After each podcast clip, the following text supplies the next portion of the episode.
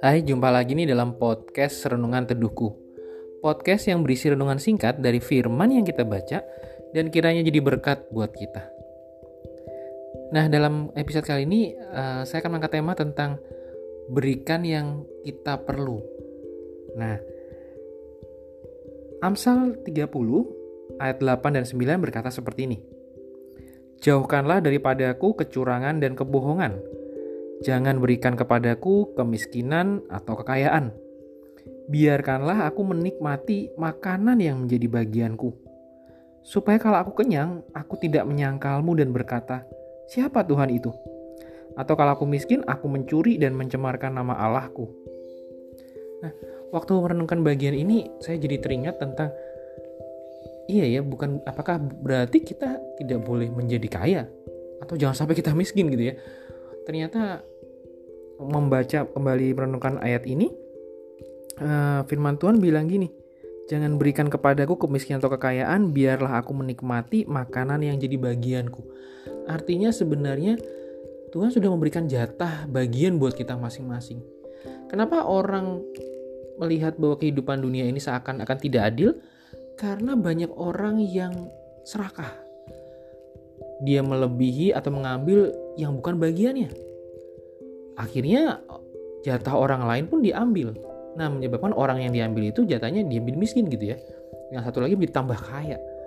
Jadi kalau itu yang terjadi terciptalah kesenjangan. Nah, dari kesenjangan itu makanya ada yang kaya makin kaya, miskin makin miskin. Dari kesenjangan itu pula akan muncullah konflik. Nah, kalau itu yang terjadi, maka kehidupan damai, sejahtera, keadilan, kebenaran tentu tidak akan tercipta.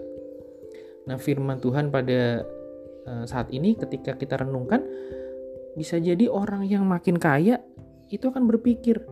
Ya 9 dikatakan supaya kalau aku aku tidak menyangkalmu dan mengatakan siapa Tuhan itu. Artinya jangan-jangan orang-orang yang uh, merasa makin kaya itu dia merasa bahwa dia melakukan atau mendapatkan itu karena kehebatannya, karena kompetensinya, karena kemampuannya, bukan karena anugerah Tuhan.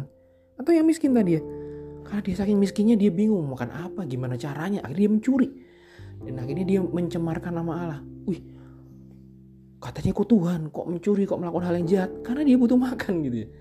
Coba terjadi keadilan, tidak ada kesenjangan. Semuanya sesuai dengan bagiannya. Maka tidak akan uh, terjadi hal-hal yang dituliskan di firman Tuhan saat ini. Jadi kita belajar bahwa ternyata dalam hidup ini kadang-kadang ketika kita merasa cukup, maka di situlah akan muncul keadilan, damai. Bukankah hidup bahagia itu ketika kita merasa cukup atas segala sesuatunya? Bukan ingin berlebihan sekali atau kita kekurangan sekali. Tapi ketika kita cukup dan kita mensyukuri apa yang Tuhan sudah berikan dalam bagi kita, yang menjadi bagian kita, maka hidup kita akan damai sejahtera. Dan berkat itu akan Tuhan curahkan dalam kehidupan kita pas, cukup, dan sesuai. Dan bahkan, kalaupun kita punya kelebihan, kita bisa jadikan kelebihan itu berkat buat sesama. Itu saja untuk renungan kali ini. Tuhan memberkati.